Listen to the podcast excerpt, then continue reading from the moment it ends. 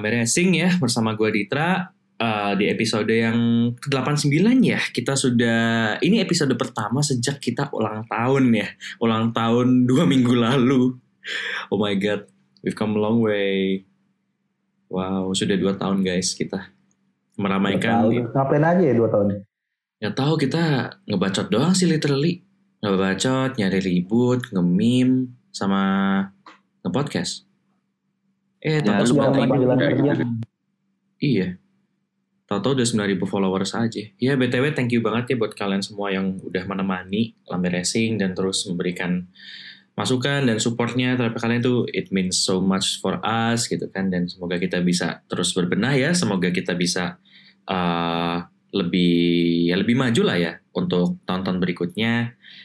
Ya sebenarnya kita minggu lalu sudah recording gitu. Cuman karena banyak sekali alasan teknis. Jadi huh, terpaksa kita scrap padahal bahasanya lumayan ya. Pas itu kita bahas Alex ya.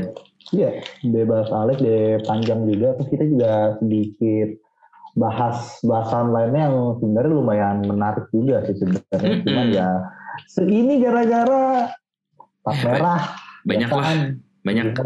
Ternyata file recordingnya rusak lah. Aduh, jadi ya udahlah kita terpaksa nge-scrap the whole thing dan ya yaudah kita atau kita bisa kembali lagi walaupun ya kita menggunakan plan B ya kita nggak pakai plan B tapi udah yang penting kita bisa jalan dulu oke sebelum kita masuk nih ke bahasan bahasannya tentu sebagai tradisi kita awali dulu dari Mama Rika nih monggo Mama Rika ada apa aja kemarin di Amerika Serikat jadi begini apa namanya gua kemarin nonton NASCAR Cup Series di Martinsville itu Blue Emo 400 kan sebelum-sebelumnya kan uh, balapan di Martinsville itu kan 500 lap ya. Uh, sekarang agak dikurangin jadi 400 lap. Dan asupan sahurnya kita juga dikasih apa tuh IndyCar di Long Beach setelah ya, betul. Hari sebelumnya ada IMSA dan apa namanya dan pekan lalunya lagi ada Formula Drift jadi Long Beach itu dua minggu penuh penuh inilah penuh event motorsport full hajatan. Full hajatan. Hajatan full hajatan motorsport.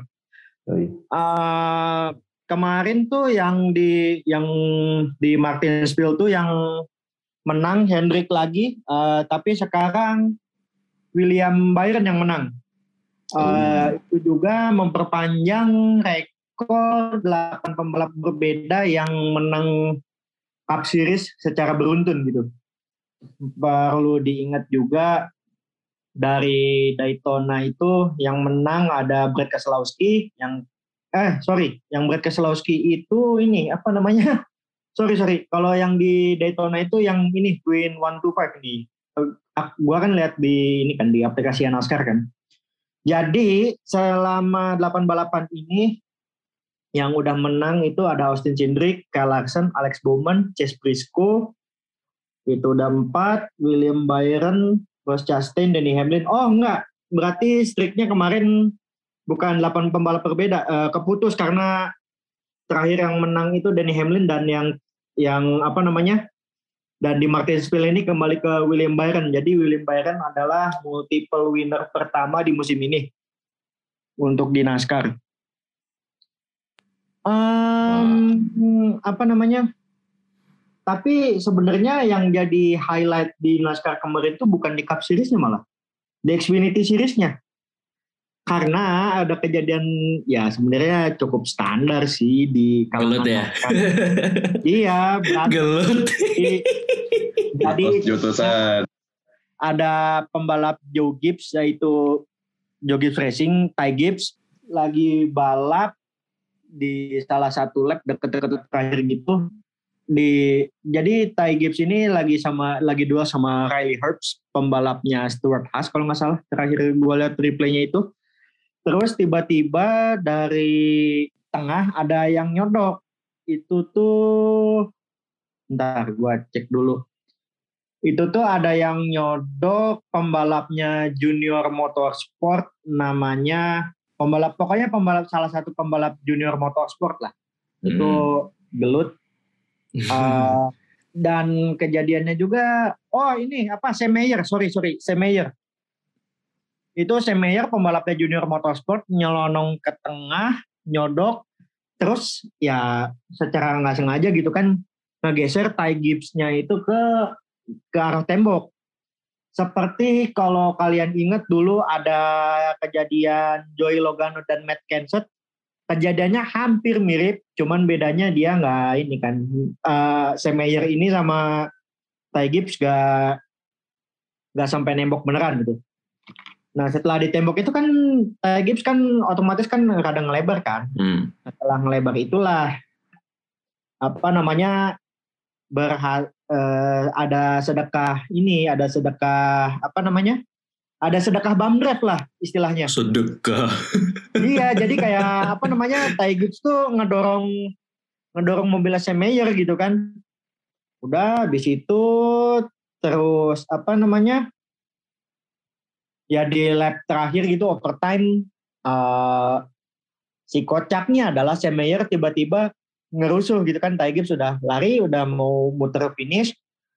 Sam Mayer ini tiba-tiba ngebelokin mobilnya ke arah kiri ke teammate sendiri Noah Gregson. Itu yang itu yang nggak habis pikir sih. Terlebih junior motorsport ini apa namanya lagi dipantau langsung. Soalnya Dale Earnhardt Junior kebetulan lagi turun balap juga di Martinsville. Jadi somehow gue gua lihat ini balapan agak unik ya. Sekarang kita pindah sedikit ke California ya, ke Long Beach. Dan iya, Roman Grosjean berhasil P2 lagi, tapi itu yeah. tipis banget tipis sama tipis. Joseph Newgarden. Terus ya sisanya ada ya pelengkap podium ada Alex Palou juara Alex Palou di posisi tiga.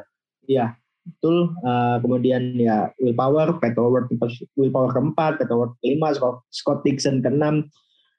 Dan gua salut sama Jimmy Johnson kemarin tuh tangan kanannya sempat ada patah or something gitu. Hmm. tapi tetap bisa turun balap walaupun ya akhirnya dia nggak bisa ngelanjutin karena kecelakaan karena insiden di lap ke 76 hmm Colton Herta juga yang pole position Aduh. nomor tembok itu. Terus ini itu dia yang lock up, lock up understeer nomor tembok. Iya, itu itu Aduh. bisa dibilang meme of the race sih kalau gue bilang Colton Herta.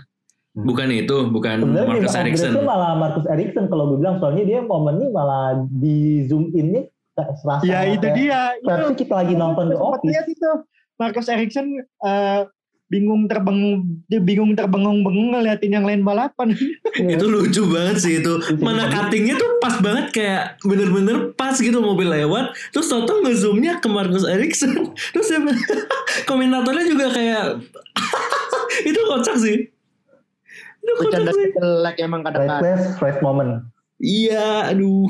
Dan itu juga sebelum dia itu sebelum dia DNF pun juga sempet rada-rada sih dia dia mobil mogok tiba-tiba malah ngantem orang lain belakangnya gue lupa siapa kemarin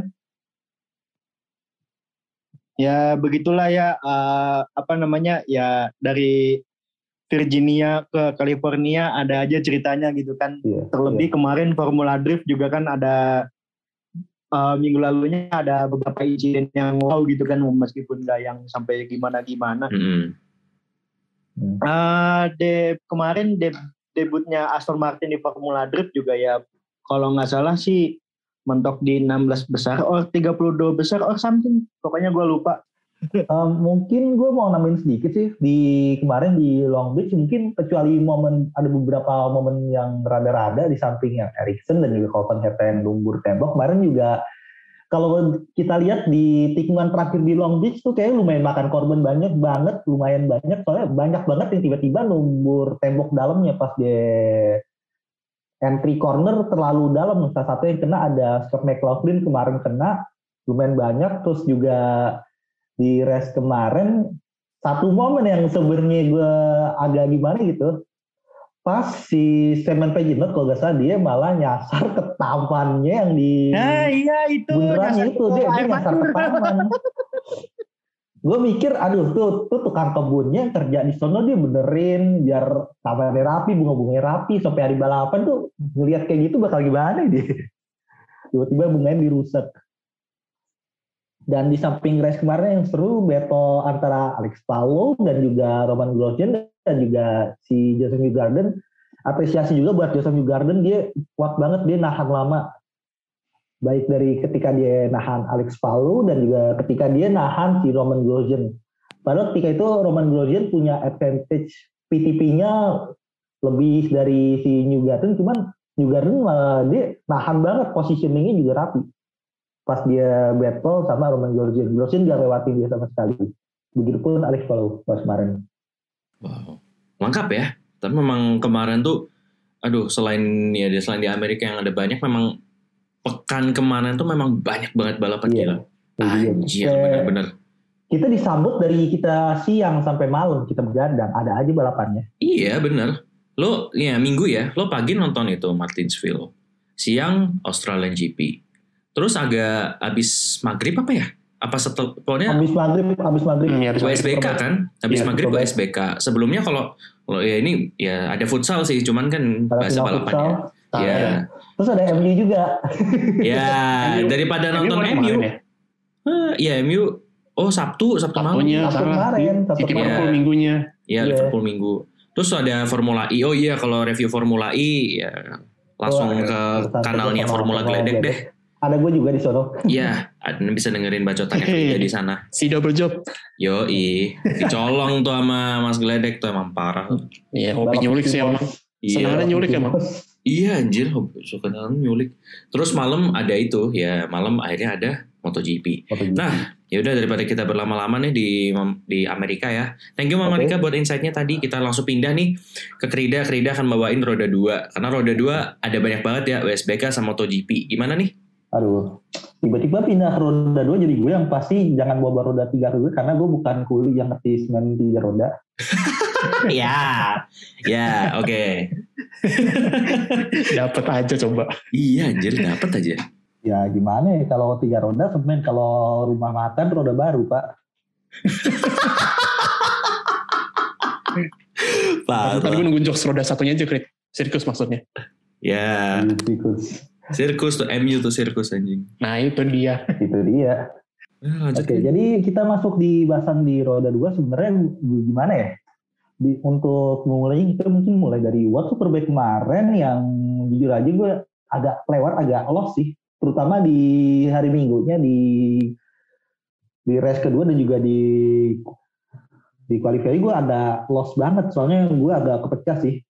Fokus gue beda, tontonan gue juga beda pas qualify race gue gak nonton karena pas banget itu sore gue lagi nyiapin buat buka sama Mm-mm. nonton final futsal terus juga pas race keduanya futsal juga lagi rame-ramenya tuh final jadi gue agak kecolongan tapi bisa ditarik di highlightnya kesimpulannya kalau di di kali race kemarin sama di race kedua lagi dan lagi akhirnya kita melihat Bautista yang kembali menunjukkan tajinya bersama Waduh. Ducati dan feel-nya ini vibes-nya berasa kayak di 2019 awal zaman-zaman Bautista Ducati tuh OP banget bahkan ketika 2019 kelihatan kalau ini adalah orang yang kayaknya bakal numbangin Johnny Rea dari dari pemegang title nih kayaknya karena dominasi banget Ducati dengan dengan dengan Jonathan Rea di era tersebut dan sebelum di cut RPM-nya tuh Ducati sama Bautista OP banget dan ini membawa rasa-rasa nostalgia era 2019 Ya, dengan tambahan cameo-nya Toprak. Jadi kalau bisa dibilang selama The Whole Race Weekend kemarin ini hasilnya tiga-tiganya template. oh, Bautista, Rea, Toprak. Udah kayak Hamburg Fair, cuman ganti-gantian antara Bautista dan Rea. Dan di race pertamanya jujur tuh battle-nya mantep banget tuh. Oh, Dari awal, dari battle yang awalnya disajikan oleh Toprak dan juga Johnny Rea. Lalu Bautista masuk dan dari pertengahan balap sampai akhir balapan kelihatan banget dan Ducati seperti biasa klasik Ducati di lurusan terakhir di Aragon anjir motong gap banget dia di situ dan sayang sekali di sebenarnya bakal epic kalau misalkan di race pertama move dari Bautista berhasil di tikungan terakhir namun sayangnya dia malah nge-wide dan Rea akhirnya berhasil finish pertama di depan.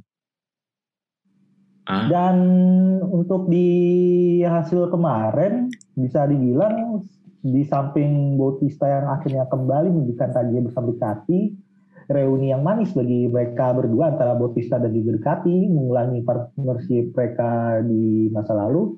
Namun hal tersebut juga berkebalikan dengan ex Ducati yaitu Scott Redding yang sayang banget nih kelihatannya sampah banget jatuh apa ya sama Waduh. BMW. Dan ini juga gimana ya? Sebenarnya nih case lama kalau misalkan lo pindah ke BMW lo jangan berharap banyak. Anggapannya kayak lo pindah ke Aprilia dalam beberapa musim ke belakang di MotoGP. Misal lo pindah ke Aprilia di musim 2017 ke 2018 mungkin anggapannya kayak gitu. Walaupun mungkin ada potensi cuma sayangnya potensinya kapan keluarnya nggak bisa bersaing sama yang lain. Dan di race kemarin juga Honda dengan duet Iker Lecuona dan juga Safi Vierge juga hasilnya lumayan oke dengan selalu konsisten finish di top 10 antara Lecuona dan Vierge dan di balapan kemarin juga lagi-lagi Michael Rinal Rinaldi menjadi penonton terbaik. ya gimana ya dia dia finish Iya, iya. di posisi 40 dan kalau dilihat dari musim kemarin dia juga walaupun ada potensi nih rider bagus cuman dalam beberapa momen kalau yang depan lagi battle bertiga dia pasti nontonin dari belakang posisi 4 Itu bagian create popcorn dong itu si Rinaldi. iya bagian nobar Iya. Eh, nobar tuh nonton sendiri. oh iya nonton Eh, sendiri nonton dia. sendiri deh. Depannya Sendiri tapi dia. dia diem. Iya. Dikawal gitu di belakang dan di race kemarin juga ada kabar yang mungkin Michael van der Brak kalau nggak salah bisa ikut karena cedera dan digantikan oleh Michael Schick, rider dari Ukraina dan hasilnya juga lumayan oke di race pertama langsung top 10, finish ke-8, finish terbaik dari BMW, eh kagak terbaiknya Loris Basket di kemarin.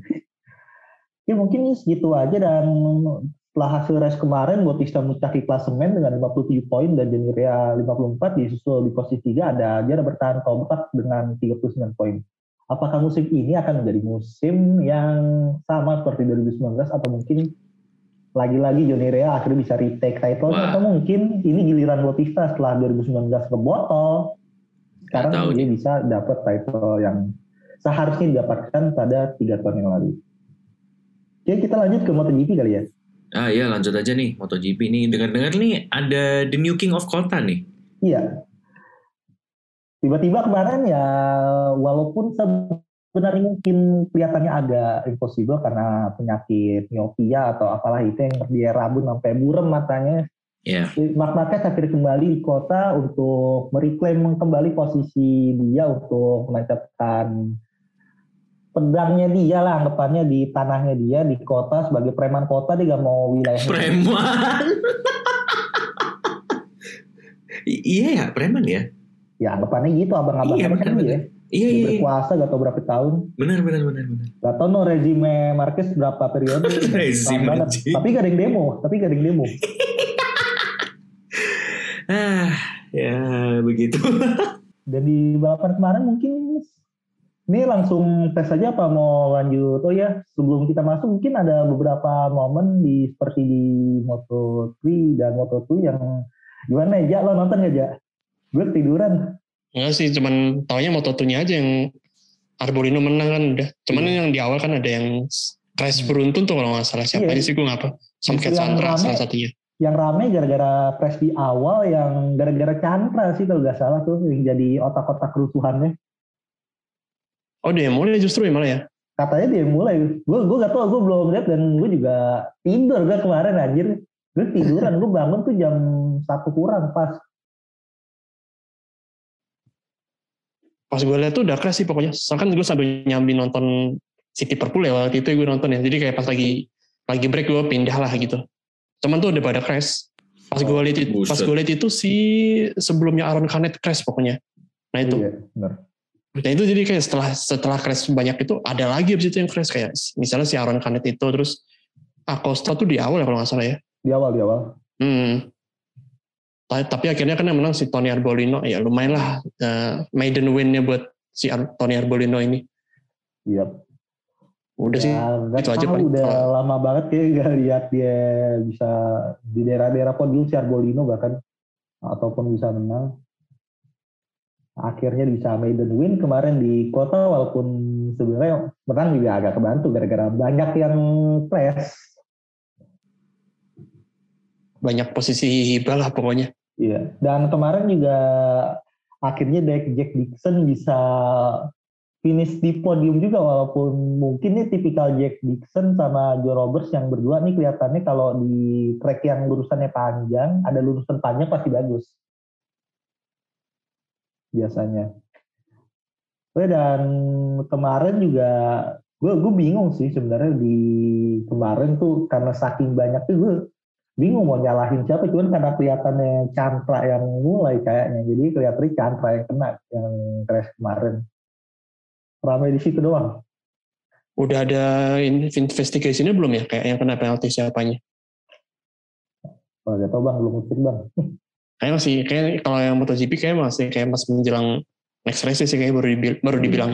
Nah, dan di dan kita pindah bahas Moto3 dikit dan di Moto3 ini dimenangkan oleh Jumi Masya dan kemenangan pertama sejak tahun kemarin di Qatar kalau nggak salah kemenangan terakhir dia dan posisi dua ada Foggia, tiga ada Andre Vigneault namun Mario Aji finish ke 21. Sayang banget tapi ya ya udahlah. Emang beda level dan juga dia kalau nggak salah belum ada pengalaman untuk di kota jadi ya ya diwajarin proses. Proses proses. Percaya prokes. Eh proses. Prokes. beda kalau prokes mah Charles Leclerc tuh menjauh dia dari yang lain. nanti itu nanti lanjut lanjut lanjut. Dia kayak gitu aja untuk di beberapa kemarin. Lalu kita pindah ke kelas MotoGP. Jadi finally akhirnya setelah bertahun-tahun nggak tahu berapa periode tapi gak ada yang demo akhirnya Mark Marquez sudah lengser dari kursi king of kota. Jadi di balapan kemarin di kemarin akhirnya Eni Abastian ini kembali menangkan balapan dan balapan kemarin juga menjadi kemenangan kedua bagi Bastian ini dan juga bagi Grace ini di musim ini disusul oleh Alex Rins yang seperti biasa late game spesialis dengan Suzuki-nya dan di posisi tiga ada Jack Miller. Mungkin malah di overtake di dua tikungan terakhir tuh. Walaupun kurang epic tapi mantap sih sebenarnya battle-nya di antara Jack Miller dan Alex Rins. Hmm. Kelihatan Alex Rins sabar banget buat ngutitin Jack Miller dari awal. gue jadi, bentar, nah, gue jadi mikir deh ini Alex ini kan kalau nggak salah kemarin-kemarin dia kan raja bottling podium ya. Iya. Kan musim ini kayak enggak ya? Uh, mungkin di musim ini sudah menemukan ilham baru gitu. Ah, Ada pencerahan gitu dia. Sudah dapat pencerahan dia. Oh kagak, kayaknya dia improve gara-gara itu deh. Kan kemarin ya. dia join jadi kader partai.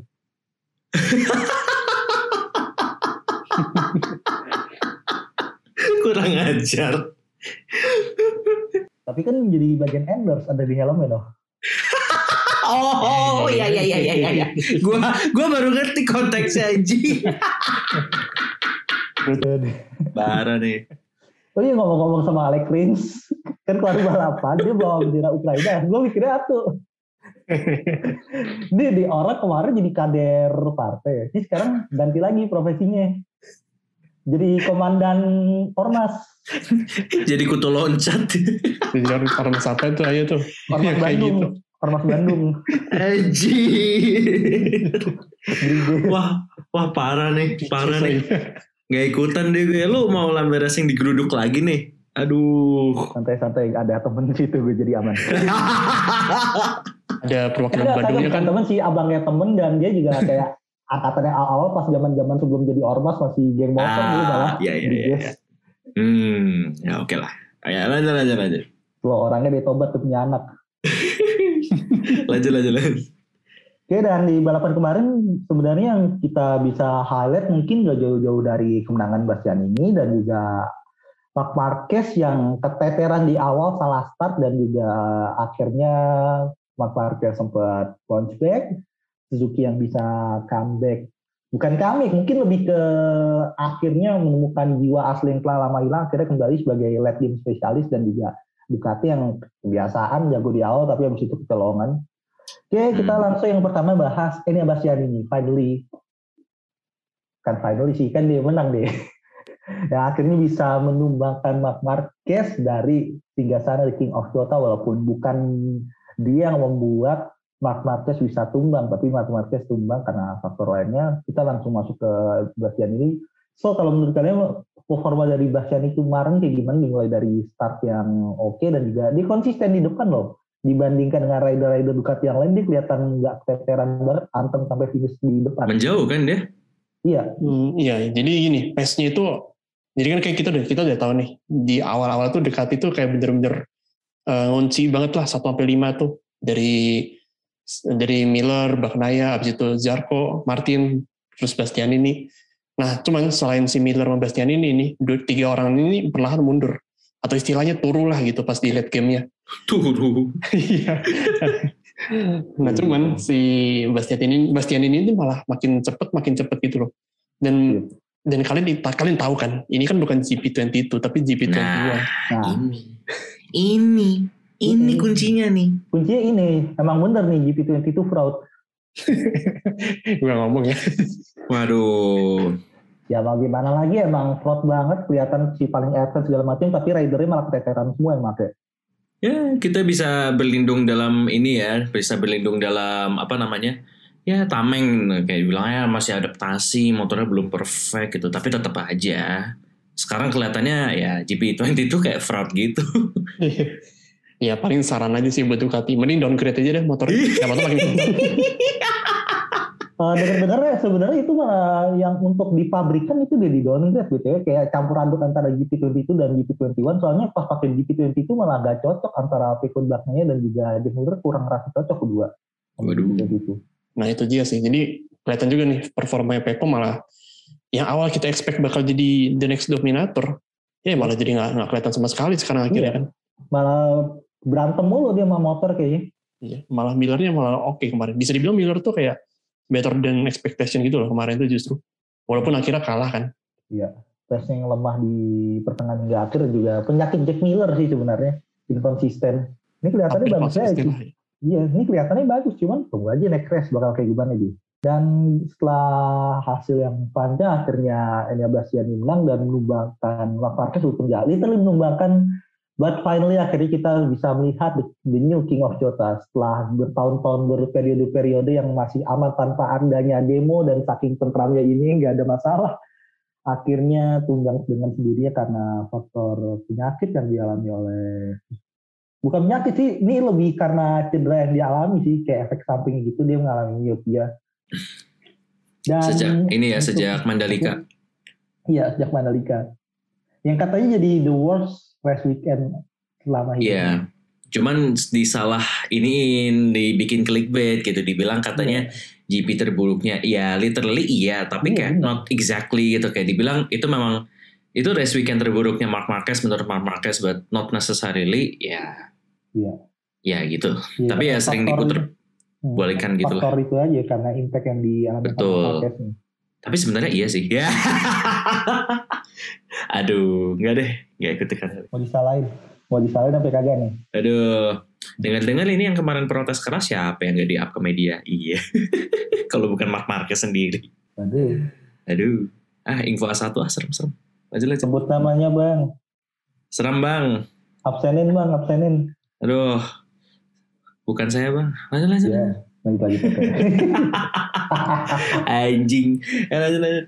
Oke, Ini paling berbahaya no infonya dan kita pindah ke bahasan selanjutnya di mana sebenarnya di salah satu highlight yang menarik di race kemarin adalah Mark Marquez di mana sempat bad start di awal gak tau dia salah pencet apa gimana di awal dia malah lambat banget pas start dia launchnya salah pencet kelihatannya dia malah kepencet pit limiter dan akhirnya dia comeback perlahan pelan-pelan comeback hingga akhirnya finish ke posisi 6 di mana men tuh mantep banget gitu aja.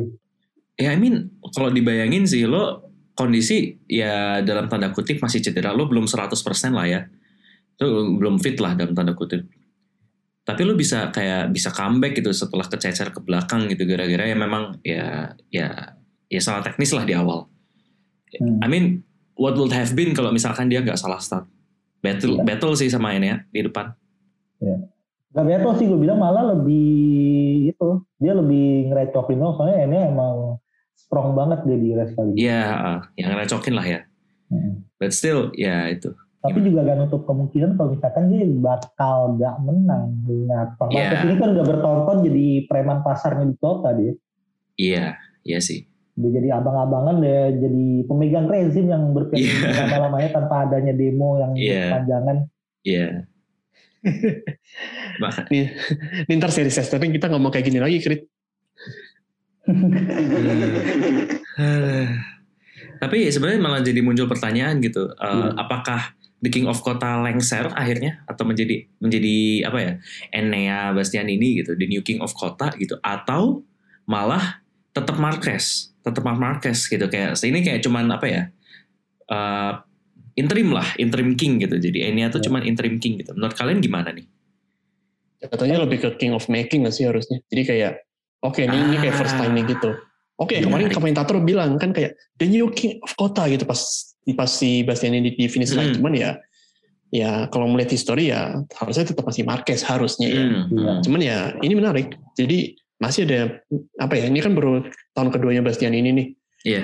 Kalau misalnya nih asumsi ini tahun depan tahun-tahunnya dia surprise naik ke pabrikan gitu, ya nggak tahu lah siapa yang di, yang di depak itu. Gila. Terus dia makin ganas di Gila. Austin gitu. Wah Gila. itu udah. Jadi kayak interesting to see itu loh intinya. Menarik sih.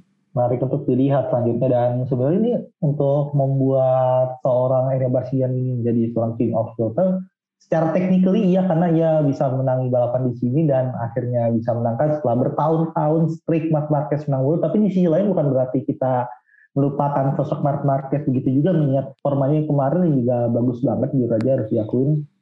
Opi kececer kececer sampai posisi nearly paling belakang loh itu pas start gara-gara kepencet quick limiter kayaknya. Sampai posisi 19 akhirnya dia bisa bounce back finish di posisi ke-6 Posisi Ya, kan enam loh. dengan Wow. keadaan yang kayak gitu lagi rada-rada Iya. Dan itu yang jatuh dikit loh itu. Jadi kayak bukan Hmm. hasil hibah juga Iya. itu. iya Iya. bukan bukan Hiba yang jatuh dikit yang di mana yang jatuh juga salah satunya malah adeknya itu, itu tuh kayak momen itu kayak momen gak heran gitu loh. Jadi kan gue lihat nih yellow flag sektor 2. Sektor 2 nih kayak pasti papan tengah nih. Ah ini kayak Alex Marquez tuh. Eh beneran dong di, di leaderboard tuh dia turun dong. tradisi Iya. Bisa-bisa nebak langsung bener gitu loh. Kalau ada yang quest di papan tengah udah pilihannya tuh gak jauh-jauh dari dua rider LCR antara Nakagami kalau enggak Alex Marquez udah refleks alamiah gitu ternyata Kalau Alex Rins tuh tiba-tiba ada ke masuk kamera pasti ya. Iya, kalau di Alex- situ. kalau Alex atau Alex Rins dia jatuh pasti di posisi tiga sama keempat, dua Hmm. tiga empat antara itu. Iya. Cuma kalau LCR udah gak kelihatan lah kayak paling paling paling mentok muncul di notif doang udah. Di notif dong anjir. Yang di sisi kanan kan crash. Iya, di HUD-nya. Oke dan oke kita bahas sedikit di race kemarin. Mungkin ya highlightnya gak terlalu banyak seperti ya Yamaha kayak biasa lah. Struggling lagi dan Quartaro kelihatan kemarin struggling sempat battle sama Jorge Martin cuman sayangnya malah ke- disalip sama Mark Marquez. Mark Marquez yang ngambil kesempatan pas berdua antara Jorge Martin dan Fabio Quartararo lebar lalu juga nggak bisa berharap dulu nggak bisa berharap lebih sama Morbidelli kelihatannya struggling banget Dovizioso di posisi 15 di posisi terakhir untuk raihan poin dan juga Mm-mm. dan Binder paling belakang deh Ya. nggak bisa Ya. berharap lah sama Yamaha musim ini Ya. kayak hoki dihabisin buat musim kemarin deh Quartararo doang yang dapat hokinya. iya alokasi hokinya dihabisin sama dia Anjir. Aduh. Udah nih MotoGP, kayaknya udah ya. Eh, mungkin sedikit bahas di mana ini juga track yang gimana ya? Balapan yang klasik bagi Ducati bagus di awal. Pertengahan lemes keteter di akhir. Kelihatan Nah, banget. salah satunya adalah Jorge Martin yang sempat startnya bagus lead yang sayangnya mundur teratur hingga finish di posisi ke-8 di belakang Fabio Quartararo walaupun untungnya masih ya separah Johan Zarco yang struggling banget dia di pertengahan sampai akhir balapan dan di race kemarin ya template Jojo seperti biasa dan lagi dan lagi Luka Marini mundur teratur dengan budaya San Morinya finish ke-17 ya itu aja Tuh kemarin nggak pada dilupakan ya. ya. Duta San Mori jangan dilupakan Pak Duta San Mori. Anjir. Ada ya kurang lebih gitu ya kemarin MotoGP di Iya. kota. Ya kita sekarang berpindah nih ke down under ya. Nyebrang nih, nyebrang nyebrang bumi literally. nyebrang dari belahan utara ke belahan selatan ya. Yo, Ini langsung. episode ini lewat Antartika nggak sih? Nggak ya? Hmm, nggak. enggak, enggak, enggak, utara Nggak. selatan soalnya. Enggak, enggak Enggak. selatan Pak beda jauh banget tadi. Buset kan kita ngapain lo anjir? Kalau Australia ke Argentina baru iya tuh. Iya, Australia Nah, gitu itu iya, ya. Udah kita langsung pindah aja nih ke Formula One ya, di mana akhirnya Formula One kembali ke Down Under ke Australia ke Albert Park setelah 2019 terakhir kali 2019 ya sejak ya kita tahu sendiri 2020 kayak apa fiasco banget cancelnya Yo i Casey is King. King. Yo i Casey is King itu masuk juga Drive to Survive lah. Kemudian wah benar-benar tuh last last minute banget cancelnya itu ah itu awal dari kehancuran. Not really sih. Tapi tapi ini loh. Fun fact aja. Sama waktu 2020 tuh Hmm? ada satu balapan yang sempat jalan kan, itu yang Porsche Cup itu kan. Oh iya benar, iya masih jalan. Benar-benar masih jalan. Tapi ya. Dan ya itu satu-satunya event balapan di Albert Park yang berhasil jalan. Porsche tahun- Cup itu doang. di tahun 2020. Iya, karena hitungannya tuh jadi kayak feeder race-nya sebelum Formula One. Mm-mm. Ya, ya begitulah dan akhirnya kita absen ya dari Australia walaupun di tahun 2021 sempat ada isu kalau mau balik tapi ya cancel juga akhirnya. Gara-gara COVID naik terus juga Iya, betul. Betul, gara-gara Covid naik dan akhirnya kita kembali lagi ke Albert Park tahun 2022 full house ya 400 ribu penonton sold out tiketnya. Iya. Oh iya tuh kan sold out banyak tuh sampai 400 ribu. Itu level PPKM-nya diturunin apa enggak ya? Wah, itu gubernur gubernur Melbourne mah apa itu PPKM? Tapi itu yang beli itu emang orang-orang yang bener-bener beli kan. Kalau mau Iya. kemarin itu. Bukan PNS Melbourne ya? Ya bukan calo juga. Eh, Itu kemarin kan juga baru reprofile tuh, baru resurface tuh. Itu Iya. batu agregatnya nggak ngambil dari Pulau Tasmania kan? Aduh, Kayak ngambilnya dari Phillip Island deh itu. Phillip Island lagi. Anjir.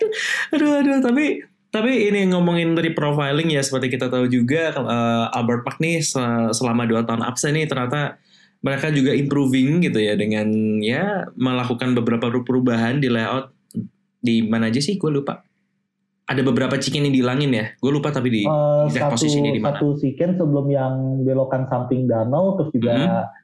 tikungan banyak yang dibikin jadi lebih lebar dibikin Iya. wider dan juga apa eh, derajat tikungannya dikurang digedein jadi lebih nambah speed lalu juga di dua tikungan terakhir dibikin lebih lebar Ya. dan di yang sektor DRS yang terakhir kemarin itu dibikin lebih panjang sedikit untuk nambah chance overtaking di situ ya jadi memang aim utamanya itu untuk menambah overtaking ya betul Jadi makanya sampai di area zone-nya aja kemarin sempat 4 ya sebelum balapan walaupun akhirnya sebelum balapan dikurangin jadi tiga karena alasan safety. Dengar-dengar yang mengajuin permintaannya itu salah satunya Alpine. Hmm. Ya itu jadi ya ya tapi kampret aja sih. Udah Ya. kita udah excited ya udah dapat 4 zona DRS gitu kan. Nah ini tapi sebelum masuk ke situ nih gue pengen ini sekalian kita masuk ke sana deh. Gue pengen tanya gimana nih menurut kalian dari profilingnya Albert Park? bagus bagus bagus dan juga naikin action dari race-nya dibandingin race-race sebelumnya yang di lurusan sebelum danau kan kayak ada siken gitu nah itu kayaknya mhm. hambat buat battle dan Ya. setelah ada tuh kelihatan banget battle-nya di mana salah satu contohnya adalah kalau nggak salah tuh battle antara Seiko dan juga Hamilton kalau nggak salah Oh iya benar ya dia lewat situ. Seiko Hamilton terus juga gue lupa Seiko apa Max Verstappen yang sama Alonso juga di awal Hmm. kelihatan battle-nya di situ ngejar banget di walaupun emang ada sisi faktor mobil regulasi 2022 Ya, yang buat battle betul. tuh enak Ya. cuman sayang banget sih gara-gara DRS-nya dihilangin tuh kayak aduh ada yang kurang dan Iya diakui benar. oleh banyak driver juga di mana banyak banget yang akuin kalau di situ bikin kayak hurting banget pace jadi agak kurang jadi melempem gara-gara di situ gak ada DRS dan ngomong-ngomong sebenarnya Ah, alasan diri profile kayak gitu ngucur duit gede-gedean orang Australia Iya. karena pengen dibikin spot overtake-nya di situ sengaja. Entah itu dengan tujuan politis atau gimana mau dibikin spot overtake-nya di situ dengan DRS yang panjang cuman gara-gara zona DRS yang gak panjang terus jatuhnya ngapain gue Iya ya.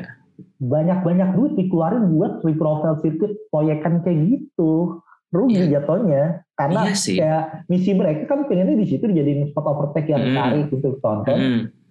DRS dihilangin terus ngapain Iya sih kalau dipikir-pikir. overtake kurang jadi aduh anjir gue Ya, capek-capek bikin proyek inian Agak sedikit kentang ya. Iya jadi dihilangin tiba-tiba yang dipinginin jadi gak ada Iya, apalagi kita udah terbakar tuh dengan hype-nya gitu kan. Kita, Yap. wah anjing nih empat zona eh, empat zona di RS nih, the first gitu kan pertama kali gimana ya? Ya dikurangin. Tapi ya balik lagi alasannya safety. Ya safety comes first. Jadi ya, Ya. overrated ya, ya, ya. Cuman kayak ngapain di awal di sekali kenapa di awal harus diumumin kalau udah ada empat gitu? Kayak dan kenapa? itu pengumumannya mendadak juga sih Iya, kenapa kok gak kayak dari awal tiga aja gitu? Jadi kayak nggak ngasih harapan palsu lah bagi Iya gitu. Jatuhnya kayak ke PHP sedikit sih, tapi ya, iya ya begitu. Ini juga bukan case pertama loh kalau ngilangin zona DRS gara-gara safety. Soalnya dulu yang famous banget tuh di Monaco juga sempat ada di tunnel, ada DRS, zona DRS, terus dihilangin karena masalah safety. Iya, tapi Gara-gara itu, banyak yang nge-crash pas keluar tunnel. Ya, ya itu memang serem sih kalau itu. Itu logical sih. Cuman kalau yang di Albert Park ini yang oke, gitu kayak oke. Tapi ya ya udahlah.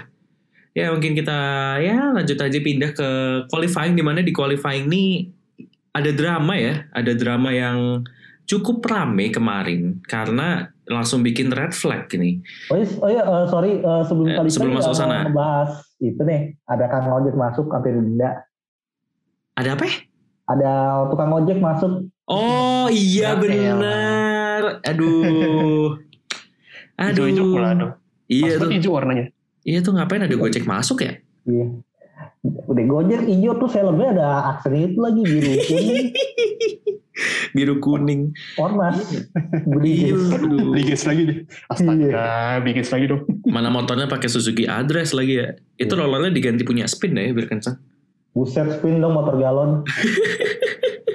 Udah mirip bentukannya. Itu Sebastian Vettel tiba-tiba naik motor gitu terus hands free lagi ya. Iya. Pas di foto hands free.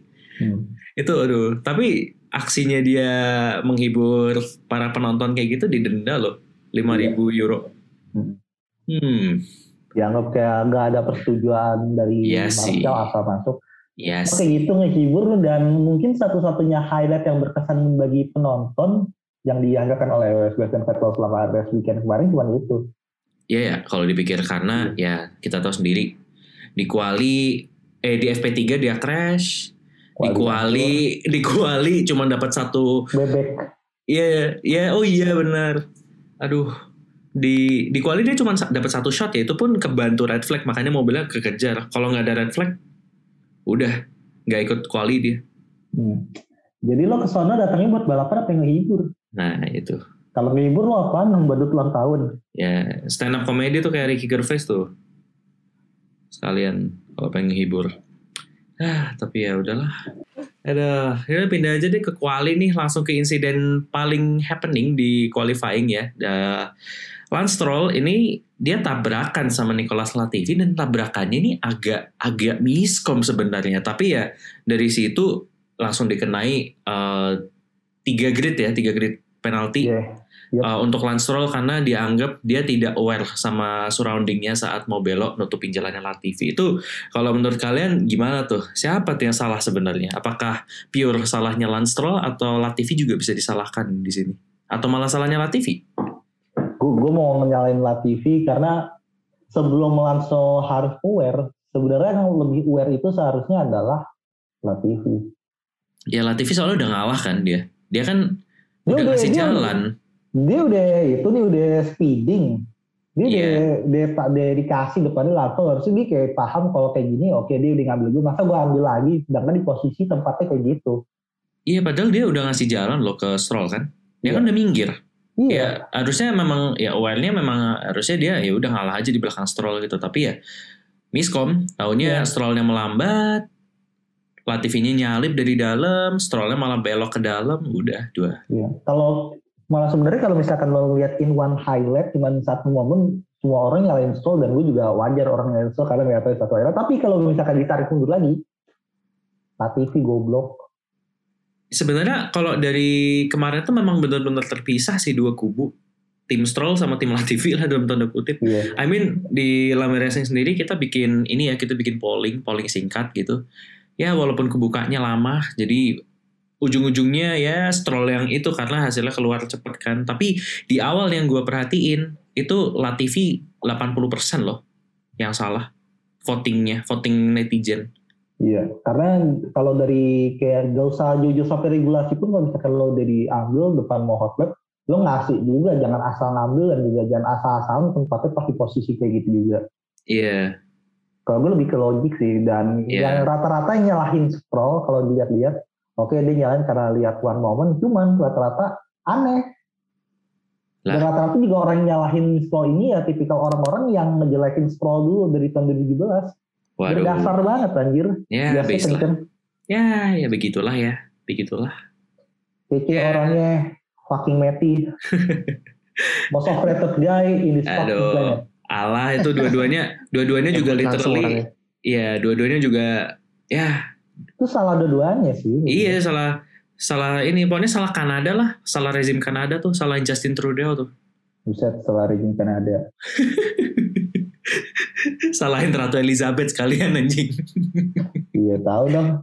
Rezimnya lama banget diganti-ganti terus terus jadi siapa gitu. Udah berapa? 70 tahun ya? Iya, sampai cucu eh, punya cucu. Iya, sampai anaknya ini udah nungguin, aduh kapan nih gue naik? Emang Naik, anaknya naik. mau, emang anaknya fix naik orang dia pasti susah. di skip anjing langsung. Di skip satu satu itu satu pohon. Iya anjing. Aduh, aduh. Ya sah sendiri. Lo lo deh pasti dapat gelar kok malah hidupnya gak bener. Iya, anjir. Poin dua kali yang atuh main mabocil. Eh bener sih. Kacau lah, kacau. Ya begitulah ya daripada kita ngomongin Ratu Inggris dan keluarganya aneh. Kita langsung pindah aja nih ke balapannya. Yang balapannya ini kita mungkin masuk ke leg-leg dulu ya. Dia ini dominasi banget loh. Iya. Kacau sih.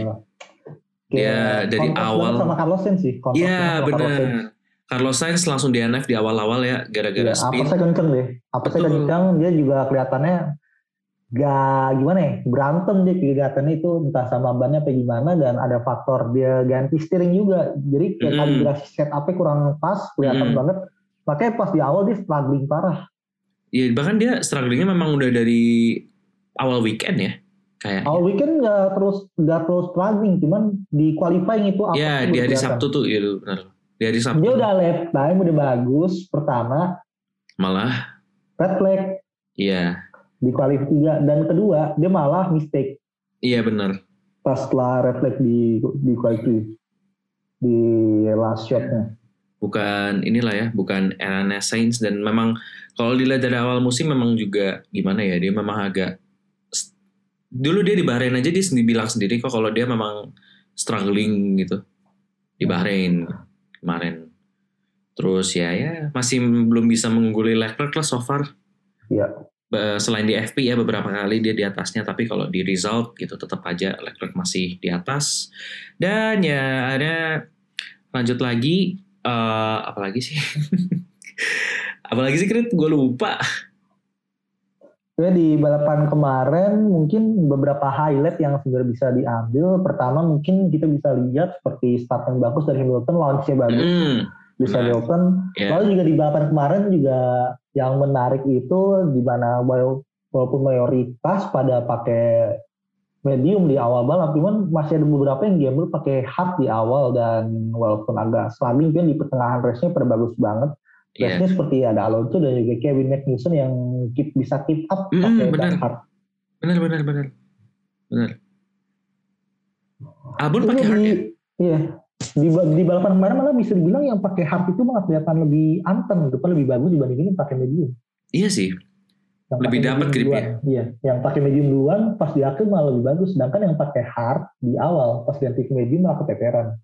iya benar Kelihatan Alonso keteteran dia sampai akhirnya ganti lagi medium terus juga Kevin Magnussen nurun. Mm-mm. Kevin Magnussen turun Terus juga ya Carlos Sainz yang di awal hard juga beda beda omongan lah kan dia DNF terus juga iya dia DNF di satu yang bisa menjadi highlight dari ban hard kemarin adalah Albon wah kan di lap 57 lap bayangin gak ganti ban pakai hard dan dia sempat battling loh di tengah-tengah iya Ba- ya bisa bisa defending lah, bisa defending. Dia attacking gak sih? Sempat attacking ya? Enggak, enggak, enggak. Dia, Oh, enggak. dia ngamanin ban dia. Iya, dia lebih ke defending ya. Nah dengan nahan-nahan lama kayak gitu, satu yang kita ingat momen terakhir kali ada yang bisa nahan selama itu kayaknya Rio Haryanto pas di Baku. Ya. 2012. Iya benar. Dia pit di awal kan? Dia pit di lap kedua? Tiga, tiga, dua. Tiga, iya. Kalau pas tiga. itu ada safety car ya? Iya, gue gak salah. Iya, pas itu ada safety car dia masuk ganti hard dan dia nggak ganti lagi sampai akhir balapan. Wow. Ganti Tire terakhir. manajemennya, tire manajemennya keren sih. Iya. I mean the real driver of the day menurut gue karena setelah dia melakukan stunt seperti itu dia masuk pit di lap akhir keluarnya tetap di poin gila Iya. super giga chat move sih ini Dia jatuh. Dan ini juga bukan pertama kalinya ban bisa tahan lama di Melbourne, di Albert Park. Ingat dulu pas tahun 2010 tuh gue inget banget yang pakai ban Bridgestone pada ogah ngepit. Karena salah satunya Jensen Button bilang nih kalau misalkan nggak ada regulasi wajib ngepit, lu dia bakal tahan pakai di ban terus. wow Kalau nggak salah. keren Emang ini tracknya bagus nih buat conserve ban kayaknya. ya ya pinter-pinterannya driver juga sih I mean Iya. ya dari 20 pembalap yang balapan kemarin yang melakukan stunt seperti itu cuman Albon so Iya. Karena yang lainnya, yang lainnya masih walaupun sama pakai hard lama, cuman kan ganti ke medium pas habis Iya. dia pas safety car. ya mereka ganti medium pas safety car ini aduh. Gue masih heran kenapa dia nggak menang driver of the day. Kacau parah. Ya karena driver of the day kan based on voting. iya iya sih. Benar.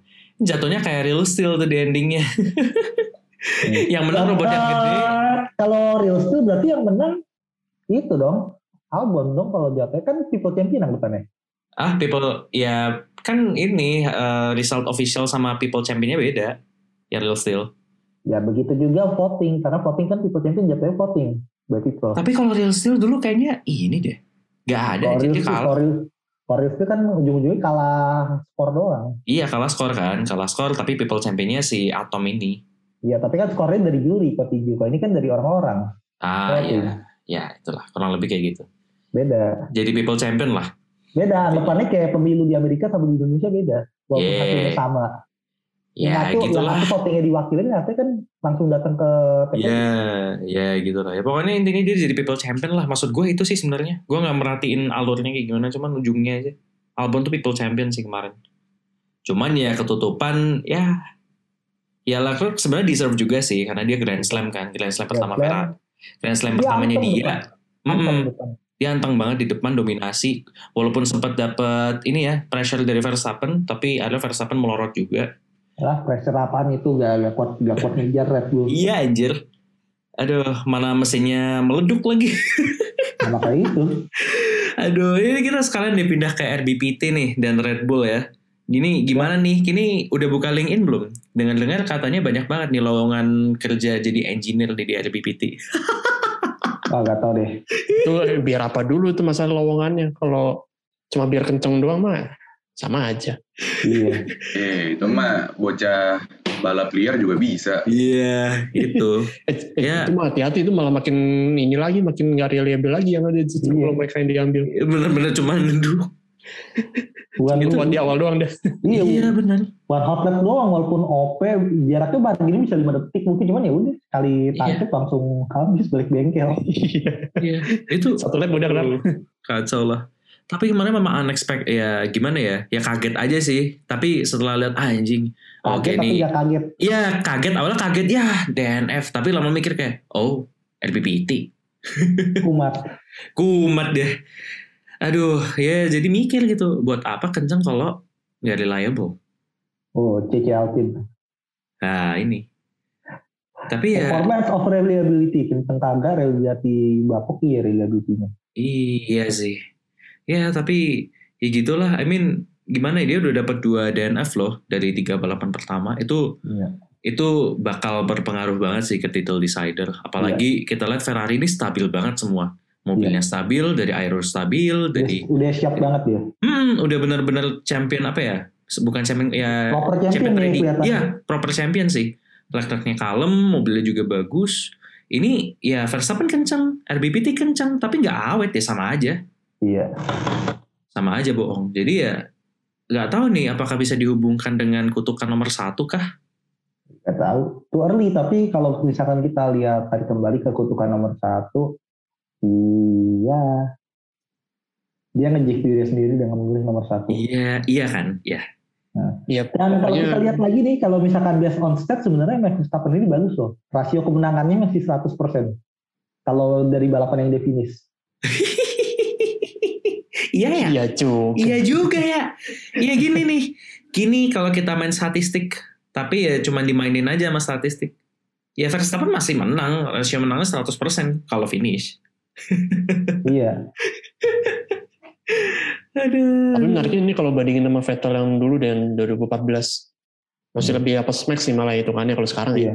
iya. Lebih atas Max, tapi jauh lebih bagus Max. I see. Iya iya. Ya, Tapi tetap sih nomor satunya ngaruh. iya. untung Kalau kemarin kalau kalau yang itu mah di dia Miami sama teammate-nya pas Iya. 2014. ya. Di Iya. dia Miami sama teammate-nya, teammate-nya sekali Iya. kayak gitu. Aduh. Hey. Eh, Sempet mulai. Ah, iya iya. mulai.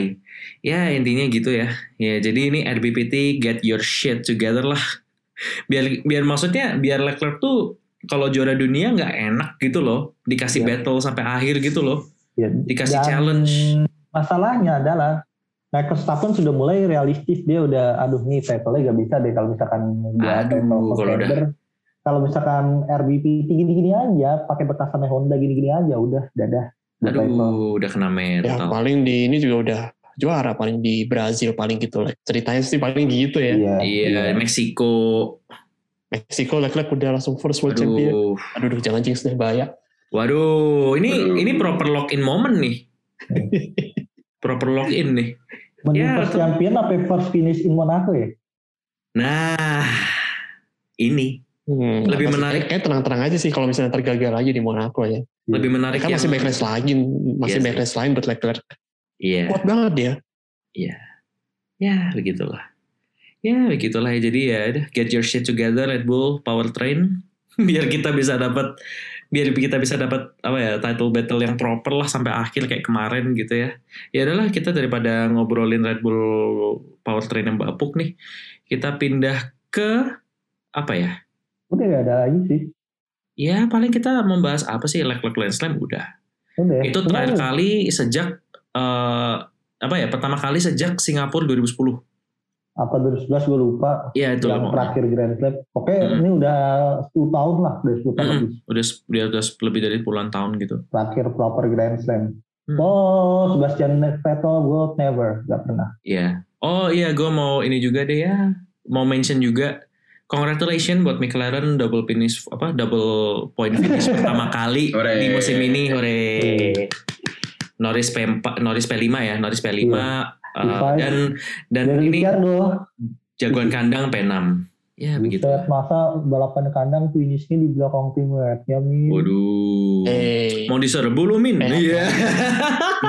itu, yang nonton tuh sebaik itu nonton Ricciardo loh. Sampai-sampai Iya. di apa namanya di starting di itu sebelum first- sebelum first turn tuh kan ada Iya. yang Heineken. Go. Ricciardo. Oh, Ricciardo.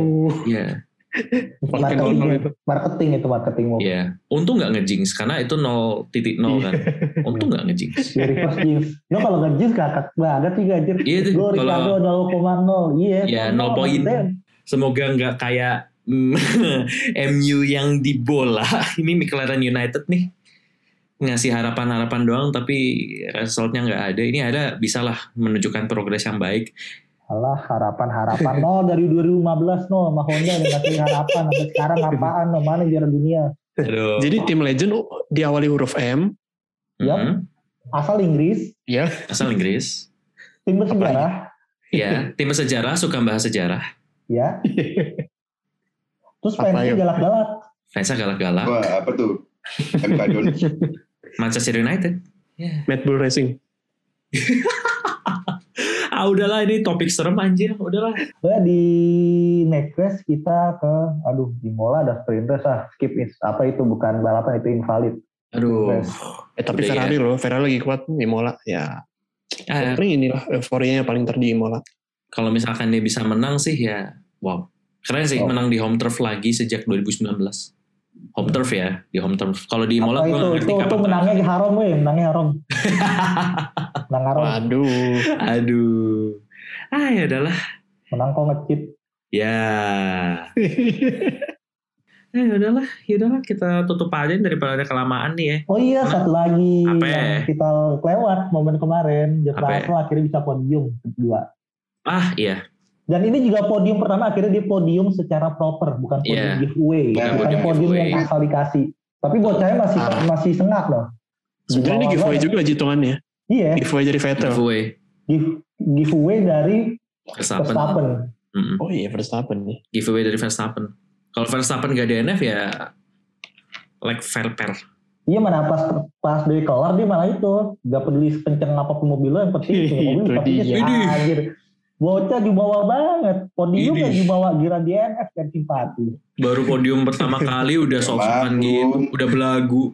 Harus harus di harus diingetin lagi nih, eh Russell next race Imola lo. Lo lihat nih Iya. dua tahun lo di Imola lo ngapain aja? Gue balik tanya. Nah, jumawa dia lupa kalau naik kelas di Mola dia ngapain aja Iya. ya pertama dia jadi badut di track dia setikar bisa-bisanya nabrak kedua udah Iya tahu tuh. depan bagian ada spot basah Bisa. dong kepleset nabrak Iya. Udah ntar ngapain ya? Wah, Dia jangan sampai Ngomel-ngomel lagi. dihajar ntar nih di Iya. Imola. Awas aja nih. Iya nih, menarik sih. Kita lihat nih hajatan di Imola besok kayak gimana nih. tiba-tiba malah ngehajar Leclerc seru deh Waduh, panas wah ini. apa nih? sebenarnya yang seru kalau itu sih kalau misalkan numburnya malah ke Lewis Wah, aku mekanik tuh media lokal pusing belain yang mana wah, menarik ini. Yang lain mah ketawa aja mah yang lain mah. Iya. Cuman masalahnya kalau kayak gitu backingannya pasti gak jauh-jauh dari US karena as you know bawa-bawa masalah balap. Ya, ini kalau kalau misalkan Russell sama Lewis crash besok, ini media Inggris bingung nih. Aduh, ini nge ininya gimana ya?